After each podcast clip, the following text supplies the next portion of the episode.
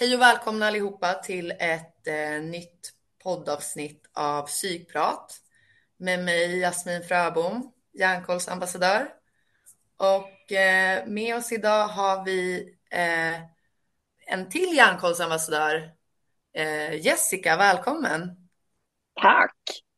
Ja, och eh, det är ett lite speciellt avsnitt. Vi ska prata lite grann om eh, om ditt seminarium och jag vill ju bara själv säga att det var, det var otroligt inspirerande. Och som jag förstått det så är den här föreläsningen lite speciell för dig. Dels för att var det första gången du höll ett hjärnkollseminarium? Eller har jag missförstått det? Det kanske var länge sedan. Nej, det var, först, nej, det var första gången jag gjorde det.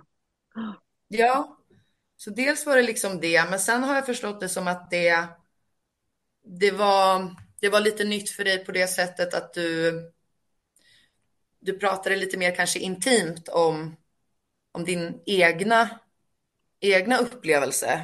Eh, och eh, ja, men precis. djupare på känslorna, liksom, känslolivet, hur du kände och vad du har gått igenom. Ja, och den, den historien har liksom inte riktigt blivit berättad för att det har ju liksom alltid varit ett lösningsfokus i mina eh, föreläsningar och jag fick ju min ADHD-diagnos här i somras. Och den mm. har faktiskt påverkat mig ganska mycket. Det trodde jag inte att det skulle. Eh, men det har det gjort. Ja. På vilket sätt har det påverkat dig? För jag tänker så här, vi har ju pratats förut, vi känner ju varandra sedan innan. Och eh, då har du på något sätt ändå anat att du har haft en ADHD-diagnos. Eller i alla fall en släng av det. Och du gjorde ju en utredning som du sa på föreläsning för tio år sedan, men då var det lite så här mm. oklart. Um, mm.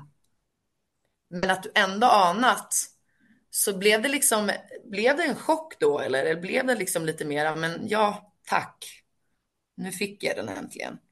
Ja, nej men jag var så himla förberedd den här gången också att gå därifrån och få höra. Ja, vi ser att du eh, har mycket stora utmaningar, men du har så många strategier, hej då. Du vet, jag var så förberedd på det. Så att eh, så jag blev alldeles paff och tagen på sängen när eh, psykologen sa till mig, jäklar vad du har fått kompensera och kämpa hårt, Jessica. så det ja. var, det var som att bli sedd för första gången. Helt otroligt. Och de orden tog sig rätt in i min själ. Ja, det låter ju liksom lite chockartat. Men vad ja. fick dig att liksom äh, utreda det andra gången? När du ändå liksom trodde att... Ja, ah. ja, egentligen fick jag ett snabbspår nu kan man säga. Därför att när jag gjorde min utredning för tio år sedan, prick faktiskt, så, så sa de till mig att jag inte riktigt kvalade in på ADHD just nu för att jag hade så många strategier. Men att jag hade rätt att komma tillbaka och min livssituation förändrades på något sätt. Just så att det, de avskrev mig inte, så att de skrev liksom inte du har inte ADHD, utan det handlade mer om hur det var i livet för mig just då. Mm. Och för ungefär ett år sedan, då började jag få det jäkligt jobbigt. Eh, men jag är ju van att bara bita ihop och liksom öka när det inte funkar för att få det att funka och hit, försöka hitta lösningar. Men här var det faktiskt klimakteriet som kom och tog mig med storm. Yeah. Eh, det var som att hamna i puberteten igen. Det var inte klokt. kul! det är så här, tonårstiden vill man ju liksom, man tänker så här, ja ah, men fan äntligen har jag liksom, nu är jag inte tonåring längre med mina humör, humörsvängningar. Och sen bara liksom, ha, nu är man tillbaka där igen. Kul! Alltså tillbaka till den med mer erfarenhet av att man förstår att nej, så här ska ju, för i helvete, förlåt mig, inte vara. Eh, det är liksom, det här är inte okej. Du är en tonåring nu. Jag är smartare tonåring. Du är en tonåring med liksom livserfarenhet. Ja, precis. Så att, nej men jag slutade sova, jag fick ju så här, ja, klassiska vallningar och ja, men typ hjärndimma, kunde inte koncentrera mig. Och, ja, men det, var, det var som att verkligen jag gick tillbaka till memory lane hur det var för mig i gymnasiet. Och jag gick ju aldrig ut gymnasiet för att det var alldeles, alldeles för, för svårt för mig. Inte själva ämnena i sig, men svårt att sitta och fokusera och ta till mig det lärarna stod och pratade om som jag var helt ointresserad av. Mm. Och helt plötsligt befann jag mig själv där i samma situation igen som vuxen. Det var helt galet. Eh, ja. och nedstämd blev jag också. Det var också så här, och jag är ganska van att ta hand om min nedstämdhet eh, för att den var så tuff när jag var tonåring. Så att jag höll ju knappt på att överleva min 20-årsdag. Men ja. Jag, ja, och det är också det är en annan resa och den pratar jag väldigt lite om för att den, den kräver att man har mycket bomull runt omkring. Nej, men så att eh, jag sökte mig till psykiatrin igen för att eh, jag gjorde någonting man absolut inte får göra. Jag eh, provade mina barns ADHD-medicin. Eh, och för det fanns liksom några tabletter kvar av eh, Concerta. Så jag, eh, jag testade i två dagar och sen glömde jag bort det den tredje dagen, konstigt, lite ADHD-stil. Eh, och de här två... Ironin två, liksom. Ja, verkligen. Ja, men de två första dagarna tänkte jag, det, det här var väl inte så stor skillnad. Men den tredje dagen när jag faktiskt glömde, då insåg jag att jäklar vad jag hade åstadkommit de här två dagarna och liksom fått hjälp med fokus. Och då ja. fortsatte jag då fyra dagar till, så att ungefär en vecka. Och sen ringde jag, eller anmälde jag mig till psykiatrin och sa, nej, nu är det dags att ta upp det här igen. Så att nu ja. står jag bara och väntar på att få eh, medicin och få prova det. Eh, så ja, där är jag idag. Alltså det har varit en otrolig resa. Jag har intervjuat många som har fått, eller inte ADHD bara, men diagnos mm. senare mm. i livet. Ja. Eh, och jag blir så fascinerad över att man har liksom levt så pass länge med sina utmaningar mm. um, utan att bli sedd. Liksom. Så ja. att, men det är ju aldrig för sent. Um, och jag tror att det kommer vara väldigt livsomvälvande för dig faktiskt. Nu när du, när du får rätt behandling och så. Ja, det märkliga är ju liksom att jag har ju två barn. Ja, det märkliga är att jag har två barn med ADHD. Jag har hjälpt och stöttat dem hela livet. Min man har ADHD, eh, så jag är sist ut i familjen. Ehm, jag har sett deras utmaningar och behov. Ehm, och inte förrän nu när jag fått diagnosen på papper så ser jag hur mycket ADHD jag har. Du vet, jag bara garvar åt mig själv. Det här är fan inte klokt.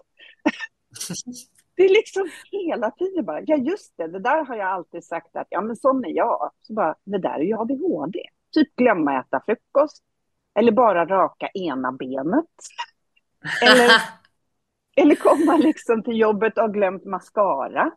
Eller ha glömt datorn hemma. Eller du vet, alltså sådana här sjuka grejer. Det är liksom pusselbitarna faller på plats. Ja.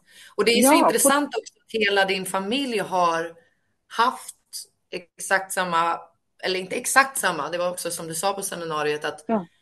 från en ADHD-person till en annan, man kan liksom inte dra alla över en och samma kam, utan det varierar sig som vilken individ som helst. Men ändå att man kan se kanske likheter i, i utmaningar i livet och så. Um, och de har funnits där på något sätt som att Alltså, jag tycker det är så intressant att de har funnits där liksom som, ja. det är som att liksom något velat bara, men hallå, spegel, spegelbild, kolla dig i spegeln liksom. ja. Och du bara, ja. nej. Fast jag har inte förnekat det. Och sen har jag inte heller velat eh, gå omkring och säga att jag har ADHD när jag inte har det på papper. För jag vill inte heller liksom på något sätt förta den utmaningen som människor har som har ADHD och säga, ja men det har jag också, jag har en släng av det. Jag gillar ja. inte det. Så jag har också varit försiktig med att säga det, men jag har väl förstått det, men ändå inte riktigt hela vägen. Precis. Mm. Och det här med att få en diagnos, det kan ju verkligen liksom ge en också svart på vitt. Det är ju inte så att din, din din hjärna kommer fungera annorlunda nu, men det blir ändå liksom att det blir en ny, det blir ett nytt kapitel i ditt liv. Ja, på ett sätt så hjärnan kommer inte fungera annorlunda, men hur jag tänker om mig själv har ju förändrats, vilket gör att jag faktiskt är mycket, mycket bättre på att tänka ut, nej, det här är någonting som har med min ADHD att göra och det här behöver jag strategier för. Jag kan inte bara låta det vara. Så det är som att Ja. jag tar mig själv mycket mer på allvar. Ja. Det Känns det som nytt. på något sätt som att nu, nu är det liksom okej att du har liksom att du är annorlunda, eller vad man ska säga. För att det känns nästan som att man får till, man kanske, jag tänker från min egen synpunkt, om man tänker innan min diagnos och efter diagnos, det är mycket som har hjälpt. Men det känns också som att, jäklar nu snickrar de här, men jag hoppas att det går bra. Eh, eh, nej, men eh, att ja, jag har bipolär sjukdom. Jag är mer accepterande av mig själv om jag mår liksom extra dåligt eller kan inte. Som till exempel när vi skulle spela in första gången att jag bara, alltså jag kan inte. Jag kan inte. Alltså det, det går inte liksom. Jag, det tar Nej. emot. Jag behöver vila Ja. eller vad som helst. Ja, Hade jag inte den här diagnosen så hade jag nog känt mig lite grann som en failure. ja, Men nu känns det som att, ja men självklart, jag har ju det här och jag har svårigheter med det här. Så Mm. då blir jag liksom mer tillåtande. Kan du känna igen dig i det? ja, men nu är det precis. Alltså det, på ett sätt är det som att ett, jag tar mig själv mer på allvar. Två, eh, att jag också på något sätt förlåter mig själv för allt det jag faktiskt inte kan kompensera för.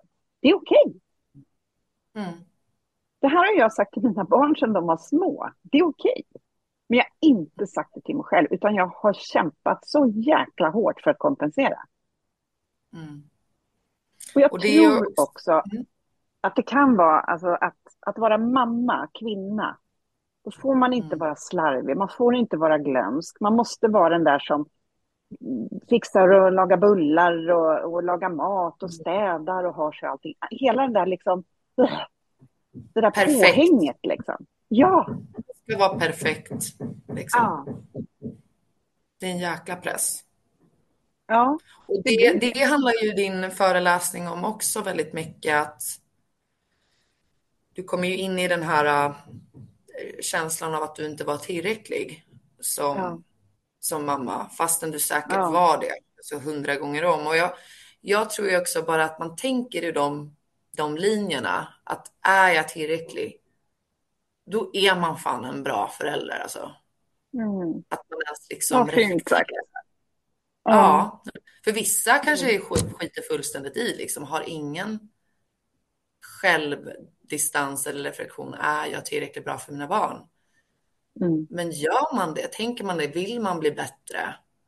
Det är det som du pratar mycket om. Det är ju att vara en bra förälder, absolut. Ja. ja, det kanske är det. Att våga acceptera att man inte är Det perfekt. var okej då. Det är okej, jag tar emot det. Ja, det ska du göra, verkligen. Ja, Ehm, ja. Men Jessica, ehm, du kan ju berätta kanske lite kort bara om vad, vad din föreläsning handlade om för lyssnarna kanske som inte var med. Mm. Eh, Ja, dels hade jag döpt den här föreläsningen till Ansiktstid för att det handlade om en, en viktig del i hur jag bemötte min eh, äldsta dotter. Eh, och jag behövde hitta ett sätt att nå henne på och eh, också jag förstod att jag inte hade så himla mycket fina ord eh, att säga, för vi bråkade så mycket. Det var så jobbigt innan hon fick sin diagnos. Och, och jag behövde liksom hitta ett sätt att nå henne. Hon var alltid på väg någonstans. Eh, man fick aldrig chansen att ens se varandra i ögonen. mm, Och Eh, jag hade läst en, en bok som heter En annorlunda barndom av Iris Johansson som själv har autism. Och i den boken så berättar eh, hon att hennes pappa förstod tidigt att den här bebisen var annorlunda, tog inte ögonkontakt och eh, att han ville att alla skulle han ville träna bebisen så han satte liksom bebisen en liten korg i, i dörrposten så, i ögonhöjd. Så att alla som kom och gick tog då ögonkontakt med bebisen. Han tänkte den här behöver tränas. Och då började jag mm. tänka på det där med ögonkontakt, att det hade vi ju nästan aldrig. För när vi ja. spelar spel, då tittar man ner på bordet, på händerna, eller när man ritar tittar man på ett papper. När man tittar Just på film eller teater eller bio, då tittar man på en skärm. När man spelar fotboll och många kanske känner igen sig i det, tror jag. Ja, ja mm. och man, liksom, när man spelar fotboll tittar man på foten, målet eller bollen eller någonting. Men när möts vi liksom? Men de är i ögonkontakt då, med bollen. Liksom. Ja, precis. Men vi möts inte riktigt där. Och på något sätt, jag behövde tanka och jag hade också fått höra av min barnmorska att jag behövde, eller jag hade upptäckt liksom att jag inte hade gett så mycket och då sa hon, det är aldrig för sent. Ge nu när du har fattat det. Mm. Och det var ju smärtsamt mm. men ändå tänkte jag så här, men nu kör vi liksom. Det var ju för min skull också. Ja, och, det är det där att äh, liksom, ja. ha, höra det hårda, men på något sätt då har man ju chansen att skapa förändring. Ja, att göra annorlunda, ja. Mm. Så ibland kritik och feedback kan göra oerhört ont, men det är också en chans och en väg till att faktiskt få göra annorlunda. Ja, ja. Sen så feedback kan ju ges på olika sätt. Alltså om ja. barnmorskan bara, du är världens sämsta mamma, gör någonting åt saken. Ja.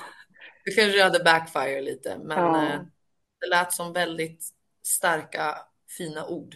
Ja, och vi hade oerhört fin kontakt också, för hon, hon kan man säga också rädda livet på mig.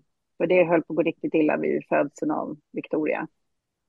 För jag fick en kraftig havandeskapsförgiftning, så att det var, vi hade liksom minuter på oss. Det är ju traumatiserande i sig, tänker jag. Ja. ja. Du är här, tack och lov. Mycket energi. Ja. Du har, jä ja, du har en jäkla energi. ja, nej, men det är som att, ja, fan, jag har, jag, jag har överlevt och då vill jag tusan i mig leva också. Mm. Så du kände att du ville också, nu ska jag försöka få ögonkontakt med min dotter liksom. Um, ja. Jag antar att du inte la henne i en korg och lät liksom folk... nej, alltså, nej, men hon var ju typ sex, fem, sex år. Fem, sex år, där någonstans. Jag kommer inte riktigt ihåg faktiskt längre, men det var, det måste vara sex år, med förskoleklass, vi åkte till skolgården och då kom jag på att enda sättet att liksom nå henne, det var i bilen. För där kunde hon inte springa från eller någonting. Så att vi hade vår lilla ansiktstid-ritual på morgnarna innan jag lämnade. Och första gången då när jag skulle ha den här lilla ritualen så sa jag till henne, vet du vad? Victoria, vi behöver ha någonting som kallas för ansiktstid, du och jag. Och hon var alltid så här gammal som en liten professor liksom. Så hon bara, men, vad, mm. men vadå, vad är det för någonting mamma? då sa jag, jag ska titta dig i ögonen så ska jag säga de vackraste ord jag kan. Och sen så ska du, när jag är klar, säga tack och sen så säger du någonting snällt till mig. Och så säger jag tack. Ja, mm. okej. Okay. Ja, då börjar jag. Och när jag skulle börja så insåg jag eh, ganska hjärtskärande att jag hade inte så många vackra ord att säga. Så där som jag, jag hade inte det där fantastiska, goda mammaskapsorden liksom. Så det var ganska trevande och jag var lite så här, ja, eh, du, du är bra du och oj vilken energi En liten knuff på axeln liksom. Ja, ja men lite så liksom. ja. Ja, och det kändes ju fruktansvärt hemskt. Um, och så sa hon tack och så sa hon, du är bra du med mamma. Typ sådär. Ja. Och sen, ja, och sen så, så gjorde vi det där varje morgon och någon gång glömde jag och då var hon ändå så här, mamma ansiktstid. Så att, och då, då fick jag lite feedback på att det här var ju ändå bra. Ja, och ja. sen fick ju vi träna på det här, eller jag fick ju träna på det här. Så jag menar till slut så kunde jag ju sitta där och säga det. Gud vad jag älskar dig, du är en så jäkla härlig liten människa. Vad ska det bli av dig när du blir stor? Jag är så mm. stolt över dig, det kommer bli något stort av dig. Mm. Och jag älskar dig av hela min själ och hjärta, du är fantastisk. Och jag känner ju nu när du säger det så känner jag ju energin bakom de orden på ett annat sätt. Ja. Alltså att man, det är ju nästan liksom, det är häftigare där, det är ju det är oftast, alltså ibland kan man liksom typ säga vad fan som helst, alltså babbla på som helst. Men har man någon inspirerande kraft bakom det man säger. Ja. Det är det som når fram på något sätt. Ja. Alltså mer med hjärtat än med hjärnan. Ja. Och det är ju klart, är man inte van vid det här som i början, liksom, då blir det väldigt mycket att hjärnan är i vägen och bara, men gud, vad ska jag säga? Ja. ja. Gud, alltså, ögonkontakt är läskigt också, även om ja, det är det. det är med sitt eget barn. Eller, man bara, eh, nu måste jag stirra in i ögonen och så här, stirrar jag för mycket? Ja, eller, ja men precis. Och det, det, där, ja, det där är också viktigt för att um, för Victoria tycker inte att det är så kul att titta i ögonen. Men då, och vi har ju sagt det så här, andra människor tycker det är viktigt. Så du behöver inte titta i ögonen utan du kan titta på näsan eller på hakan eller i pannan eller ena örat eller någonting. Mm, de kommer mm. uppleva det som det och det, då blir de trygga. Så vill du göra dem trygga så kan du göra det. Men du ska bara ja. göra om du tycker att du vinner på det. Inte för, för liksom någon annans skull än din egen. Nej men exakt. Och jag tror ja. det där är så viktigt. Liksom att ja. Jag tror vi alla kan känna igen oss att det som har känts påtvingat från ens mm. uppväxt, det typ ja. vill man verkligen inte göra. Nej, precis. Så hade du tvingat henne bara stirra mig i ögonen, då ja. hade det nog liksom blivit mer traumatiserande och jag bara kommer verkligen. aldrig titta någon i ögonen ever again. Ja. Så jag tror det där var en väldigt, väldigt, väldigt fin medveten liksom eh, tanke gentemot henne att du ska göra det som känns bra. Liksom. Ja.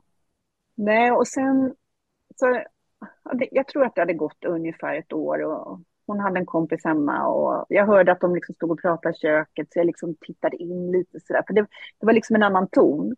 Då ser jag hon har lagt liksom armen om, liksom så här, om axeln liksom på henne och, eller på Pontus var det. Och, eh, och så säger hon så här. Vet du vad Pontus? Jag är stolt över dig. Det kommer bli något stort av dig en dag. Mm. Och det var inte först då lätten trillade ner, ner hos mig att hon hade fått helt nya ord som hon också kunde ge till omvärlden. Hur hon kunde bete sig. Så det var inte bara att jag läkte och hon läkte, utan hon kunde ta med sig det här ut i världen. Så mm. jäkla häftigt. Gud vad Pontus måste ha känt sig sedd ja. ja. Det är fantastiskt. Alltså vad, ja. vad en sån ändå sim, alltså den är inte simpel övning, men ändå det kan ge en sån stor effekt. Ja. Av ögonkontakt, alltså ja. att känna sig sedd och hörd. Ja, och det är därför jag kallar det för ansiktstid, för att det är liksom vi sitter mitt emot varandra. Det är väl det som är grejen. Vi behöver inte stirra på varandra eller någonting, men vi sitter mitt emot och så ger vi varandra energi. Mm. Och sen ansiktstid.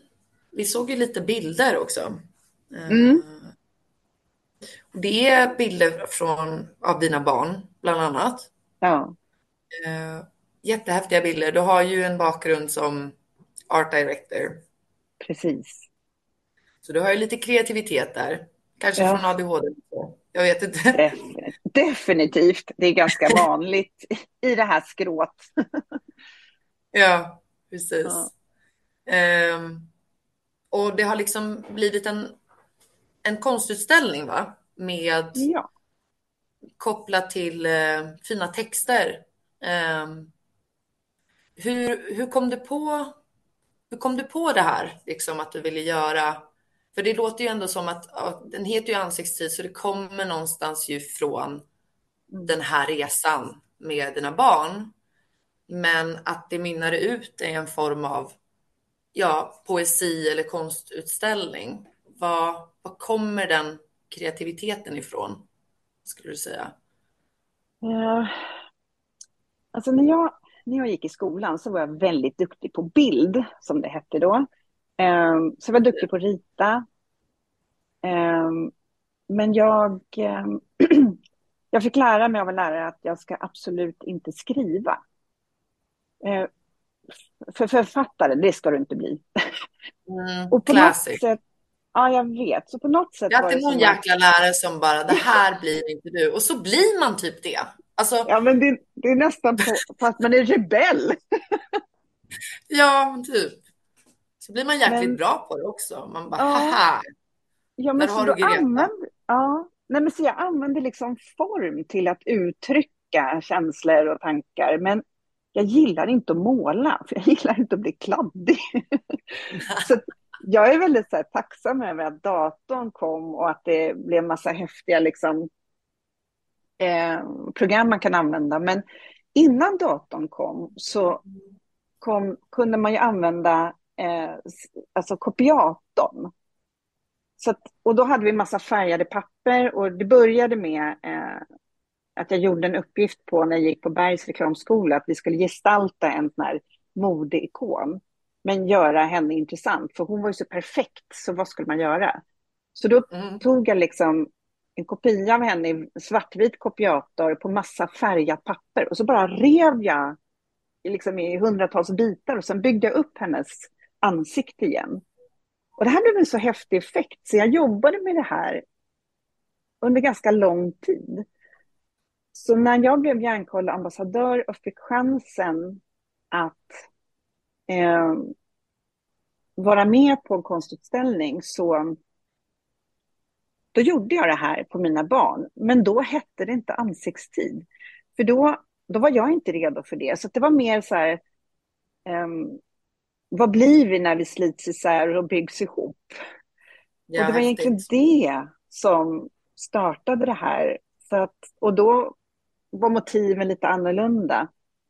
Ehm, men nu när jag fick chansen att vara med på den här utställningen så kände jag att nu är det ansiktstid som gäller och vad blir vi när vi kan mötas? Och, och som grund då, alltså att kreativ användning av smärta, kris och nederlag. Mm. Att riva ner och bygga upp, det är liksom, det går. Det finns alltid en Ja. väg. Det tror jag är liksom mitt mission in life. Just det. Nej men gud, jag tänkte inte ens på det. Det är ju fantastisk symbolik att, att du rev sönder någonting som var, som var helt, men kanske inte... Ja, vi alla går ju igenom det i livet. Att vi Ja. trasar sönder på vägen för att sen byggas upp igen. Mm. Och det kanske blir, och- och det blir oftast kanske lite bättre. För vi har liksom Mm. mognat och lärt oss någonting. Och jag tänker på dina bilder är ju väldigt färgglada. Och det kommer liksom Ja. olika färger och, och på något sätt Mm. när de bitarna sätts ihop så blir det en väldigt liksom vacker färgglad bild. Som kanske inte var innan Nej, på, kopia, på kopiatorn. Eller vad ja precis. Det var från svartvitt till knallfärger liksom. Ja, exakt, exakt, Ja. exakt. Men det, jag är väldigt, alltså i allt jag gör, mina barnböcker och allting, det, det är mycket färg. Mm. Jag tror att de här färgerna förmedlar hopp, intensitet, energi. Det, det är nog det underliggande liksom, uttrycket. Mm. Du verkar ju också vara en väldigt färgglad person. Ehm, och det är klart att du har gått igenom svårigheter också som är gråa, som, som vi alla går igenom. Mm. Men det låter, alltså du strålar ju någon färggladhet, så det känns det som så här, ja men det, det är väl Jessica att det ska vara färg. Ja, vad härligt. Och jag har typ varit klädd i svart liksom, ända fram till jag fyllde 50. Är det sant? Vad fick du ändra klädstil då? Vad hände där vid 50? Ja, men det, är så ytligt och fånigt att eh, jag började spela in massa saker eh, live och då såg det så tråkigt ut med svart så jag började köpa färgade t-shirtar. Och så trivdes jag i det. Ja men nice. Ja, Ja. nice. Ja, det är aldrig för sent att ändra Nej, sin det är aldrig stil. för sent. Då håller man sig ung. Ja. Ja. Men jag tänker på det här med att trasa isär och bygga ihop. Jag vet inte om du känner till den här japanska konsten, skulpturkonsten. Jag kommer inte ihåg vad det heter, men när en kruka till exempel råkar gå sönder så slänger de inte den, Nej. utan de bygger ihop den igen och sen längs sprickorna fyller de med guldfärg. Ja. För att visa att när, när man har trasat sönder, alltså exakt samma symbolik tror jag som, som, eh, som din konstutställning och dina bilder. Ja. Jag tycker det är så vacker. Alltså, och de blir ju otroligt Ja. vackra med liksom guld, gulddetaljer. Liksom vackrare än innan. Ja, och dessutom mer värdefulla. Mm. Ja, för att de absolut. nu innehåller guld. Liksom. Ja. Nej, men jag såg, ja, och jag såg det här för några år sedan och jag blev alldeles tagen. Älskar det. Det är ett fantastiskt koncept. Mm. Ja, men Japan, eh, utan att gå in på Japan jättemycket, men eh, jag tycker de är väldigt spirituella. Eh, Ja. De har liksom så här, har du sett Marie, Marie Kondo? Oh, nej, droppa inte på mig. Jag har ingen aning. Jag är skitdålig på namn. Ja, men hon har typ så blivit, hon är i Hollywood, men hon är japanska. Hon har blivit liksom så här städ och organisationsexperten nummer ett. Liksom. Ja, då vet jag. Mm. Ja, och hon utgår ju från en väldigt spirituell approach. Typ kläderna du liksom slänger, för det första ska du ju helst inte slänga det utan typ kanske ge bort det eller Mm. sådär. Mm. Men det som inte skänker dig, alltså man, man måste typ gå in i sitt känsloliv och bara få den här tröjan mig att känna någonting? Blir jag glad av Ja. den? Eller känner jag mig bara platt? Ja, men när jag är glad, då ska jag ju behålla den och vill ha Mm. den. Ja. Eh, och sen är ju en classic så här, men jag kanske behöver den senare. Det är Ja. en classic. ja, det är Och jag. oftast använder man, ja det är jag med, och oftast använder man har ju inte använt den på typ tio år. Nej. Och sen vill man inte ha dem. Jag kommer använda den. Liksom. Ehm, och sen när man liksom tar den tröjan och ja, ja, jag ska inte behålla den, att hon tack, man tackar den. Tack för, alltså det är så flummigt för många, men jag tycker det är så fantastiskt att det är så här, tack för den tiden kanske vi har haft tillsammans. Ja. Du har fått mig att känna mig vacker en gång i tiden ja. nu är det dags att gå vidare liksom, till någon annan Mm. som kommer uppskatta dig lika mycket. Eh, Mm. och Nej, det där är tycker jag. Det där gillar jag. Mm. Ja, I love it. Och jag tror det är något som sker. För jag vet inte, hon har ju typ någon så här, eh, typ mm, ingen återfall. Av, alltså det där är ju sjukt. Typ, tänk dig Mm. hoarders Ja. och de rensar allting. Och de flesta ju, får ju återfall såklart, att det börjar Ja. samla sig.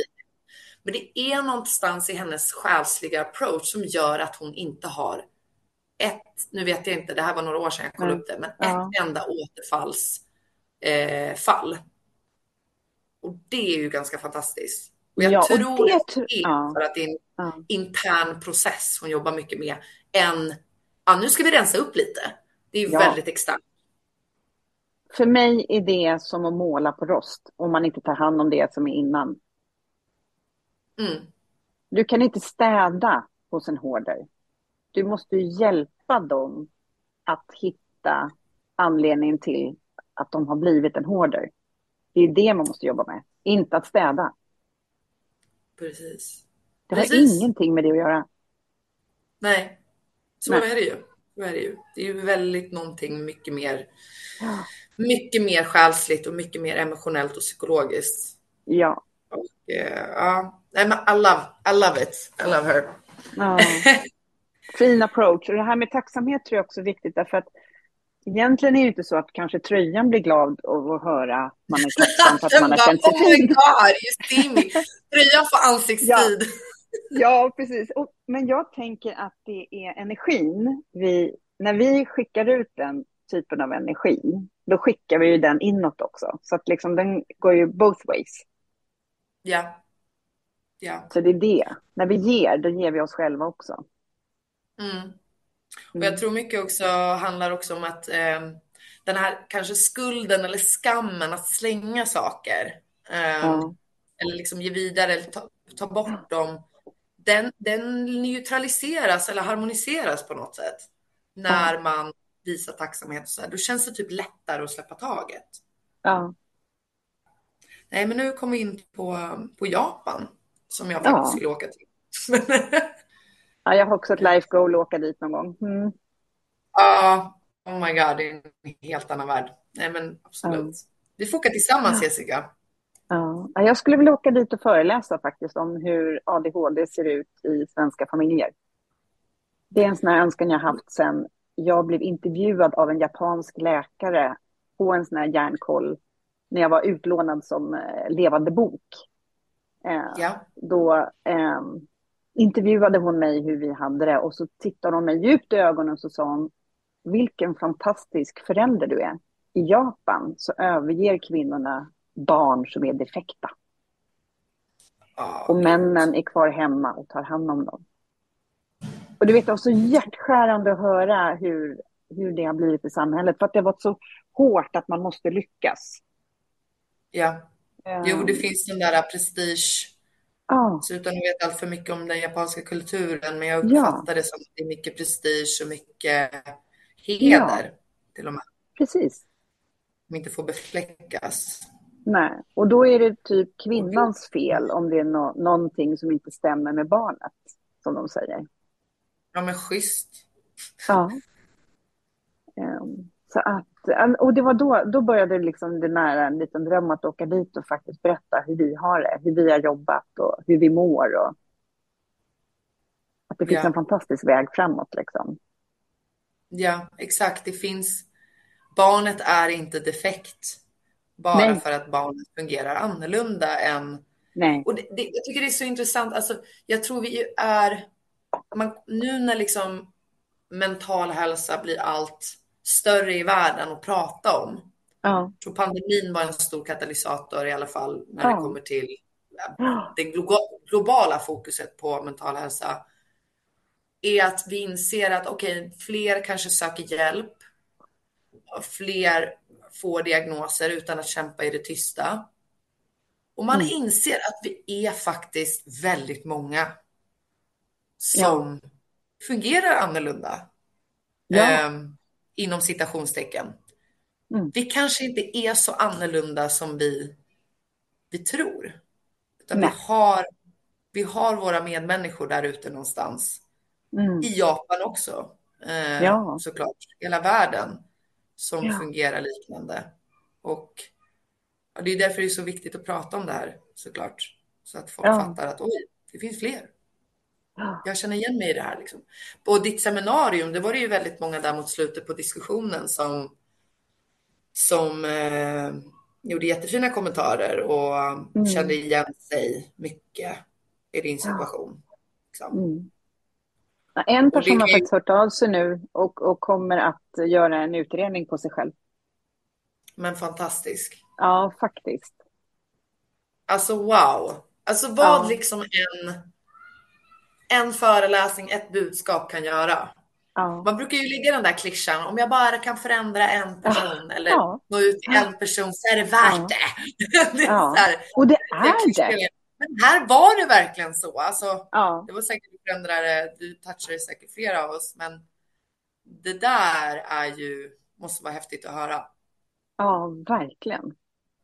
Så nu är det nästa resa där. Häftigt. Ja, ja verkligen. Det är ett nytt kapitel Ja. för henne också. Ja. Ja, men Jessica, tack så jättemycket för ett fint samtal och eh, för ditt seminarium. Och eh, det var väldigt många som klickade in sig, så jag tycker det är jättekul att det var så många som ville, ville vara med och lyssna på dig och prata med dig. Så du är ju Hjärnkollsambassadör, eh, men du har ju så mycket mer eh, i, i din bakgrund och vad du, vad du gör. Eh, du, du har ju dels eh, en, en, eh, ett företag eller en verksamhet som heter Mrs Hyper. Ehm, och även har du varit involverad mycket i föreningen Attention. Ehm, kan du berätta lite grann om, om de två sakerna? Eh, vad, vad, vad, vad du gör? Vad du gör där? Ja. ja, vad gör jag? Nej, men, vad gör du? Ja, vad gör jag?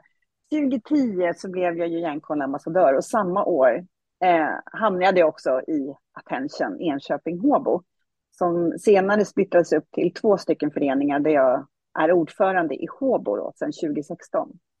Och där Mm. försöker vi driva liksom, ja, frågor i, inom eh, kommunen och sådär. Men främst, mitt största arbete handlar ju om att ha föräldragrupper. Där, det brinner jag för. Att mötas mm. där och få utbyta erfarenhet, hjälpa varandra, stötta varandra när det är som tuffast. För vi har det tufft vi föräldrar och vi behöver verkligen få stöttning. Så där ligger mitt huvudfokus.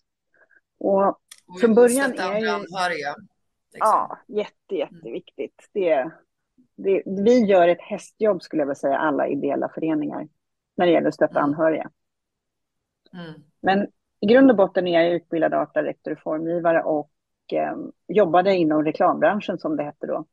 Men kände att det var så ytligt så att när till slut så tog föreläsningar och mina böcker över och jag startade Mrs Hyper. För man ska heta det man är. Och jag, jag, de frågade ju på, på seminariet, det var någon som bara, men var kom Mrs Hyper ifrån? Ja. Du sa någonting om så här, ja alltså diagnoser kan ändras med tiden. Typ bipolär ja. heter det ju nu, men det var manodepressiv eh, ja. eh, sjukdom förut. Så det är så här, då blir det ju utdaterat om du kallar det Mrs ADHD. Visst var det så? Precis. Om ADHD skulle ändras liksom. Ja, precis. Hyper will always be hyper. Ja, precis. Det spelar ingen roll. och eh, Attention, de som inte vet vad Attention är, då, vad, vad gör den föreningen? Det är ju en organisation för alla som har någon form av NPF-diagnos, det vill säga ADHD, autism, Tourette eller språkstörning. Och eh, det finns ungefär 55 lokalföreningar och vi är ungefär 17-18 000 medlemmar i Sverige. Mm. Så det är en rätt stor organisation. Ja. Och om man vill bli medlem, eh, det är ju dels anhöriga till de som har NPF-diagnoser. Men liksom, och om man själv har. Mm. Eller om man själv har. Och eh, om man är nyfiken på liksom att ansluta sig till Attention, vad, vad, kan, man, vad kan man vänta sig liksom lite grann? Eh, om man är medlem? Jo, men jag tror att det handlar lite om var du bor också, hur lokalföreningen ser ut. Det kan ju vara lite olika engagemang och olika stora föreningar. Mm. Eh, mm. Men föräldraträffar, familjeträffar och att kunna vara med och påverka, driva skolfrågor eller driva äldrefrågor också för de som har diagnoser. Men det är ju viktigt överallt. Men jag tycker man ska jobba med det man själv brinner för. Liksom. Så känner man att det är skola som gäller, då ska man jobba med de frågorna. Oh ja, oh ja det håller jag med om. För många av oss som jobbar i ideella föreningar, vi är ju eldsjälar och vi måste ju ha ja. eld i vår själ. Annars så ja funkar inte Nej. helt enkelt. Då ska man göra något annat som, som ja. sätter eld i själen. Ja. Eh, men det är fint att ni finns. Det är bra att ni finns och det är bra att ja. finns. Verkligen. All right Jessica. Jättefint att prata med dig. Eh, och jag hoppas att ni som lyssnar klickar in er på nästa hjärnkollseminarium eh, som kommer hållas ja, den sista tisdagen i oktober. Och det är bara att hålla utkik på Facebook och Instagram. Eh, så är det bara att anmäla sig som ni gjorde med Jessica.